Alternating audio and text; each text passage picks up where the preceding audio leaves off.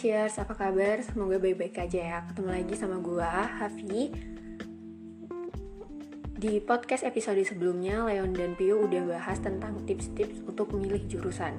Nah, Asia sendiri udah tahu belum sih ada berapa jalur untuk keterima di PTN? Jadi bisa dibilang secara umum ada tiga jalur untuk masuk ke PTN. Yang pertama ada SNMPTN, yang kedua ada SBMPTN, dan yang terakhir ada jalur mandiri. Dan LTMPT sendiri udah mulai melakukan sosialisasi seputar SNMPTN. Dan yap, di podcast kali ini gue pengen bahas serba-serbi SNMPTN. Jadi SNMPTN sendiri ini adalah jalur masuk yang bisa dibilang goib dan mudah tapi juga susah.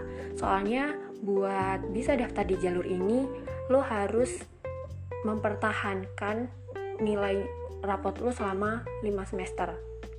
Dan nantinya bakal disaring berdasarkan akreditasi sekolah lo. Misalnya, sekolah lo punya akreditasi C. Jadi, siswa yang layak masuk eligible ini cuma 5% terbaik di sekolahnya. Kalau akreditasi sekolah lo B, itu bakal ada kesempatan sebesar 25% siswa terbaik buat daftar eligible. Nah, kalau akreditasi sekolah lu A bakal dapat kuota sebanyak 40% buat siswa eligible-nya.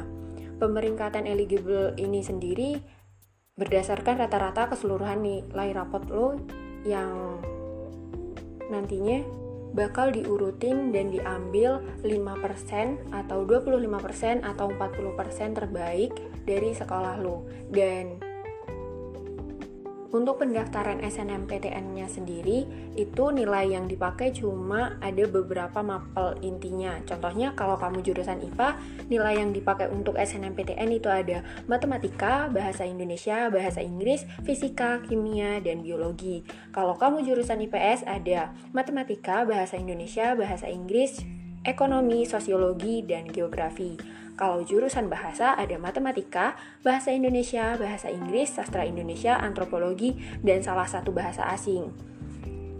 Nah, kalau kamu anak SMK, itu yang diambil nilainya ada matematika, bahasa Indonesia, bahasa Inggris, dan kompetensi keahlian.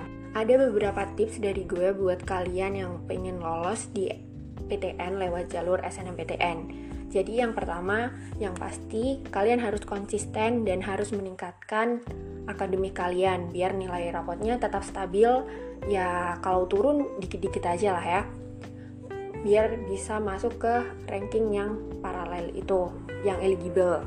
Nah, yang kedua, kalian bisa ngumpulin sertifikat-sertifikat, bisa lomba nasional, provinsi, dan juga bisa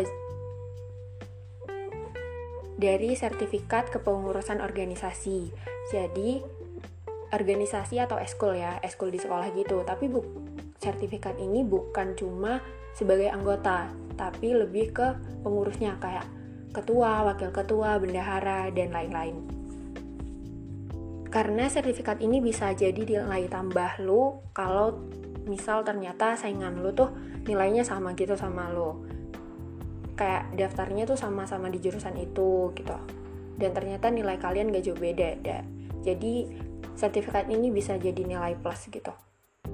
Yang ketiga itu ngeliat track record alumni. Karena kata kakak-kakak sebelumnya alumni ini sangat berpengaruh untuk keterima enggaknya kita di PTN itu. Karena kalau track track record alumni kita ini baik kita juga bakal lebih mudah buat keterima di PTN itu.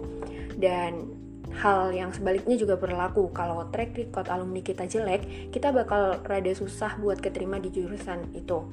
Nah, kalau nggak ada alumninya gimana? Kamu bisa jadi uh, kayak pembuka jalan buat adik-adik kelas selanjutnya yang pengen masuk di jurusan itu. Yang keempat itu melihat keketatan dan daya tampung jurusan yang mau kalian ambil ambil yang sekiranya lu bisa keterima. Tapi lu juga minat karena uh, kalau lu udah keterima di SNMPTN, lu nggak bakal bisa ikut SBMPTN untuk tahun-tahun selanjutnya.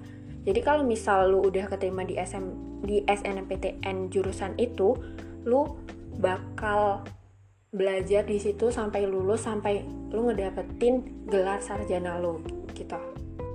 Dan yang terakhir tentu aja terus berdoa dan minta restu ke orang tua atau wali lu dan juga minta doa dari teman-teman lu biar lu keterima di sini di jurusan yang lu pengen dan juga lu bisa survive selama kuliah. Oke, kayaknya itu aja dari gua. Semoga bermanfaat dan semoga kita semua bisa lolos SNMPTN. Dadah, sampai jumpa di podcast selanjutnya. Have a nice day, cheers.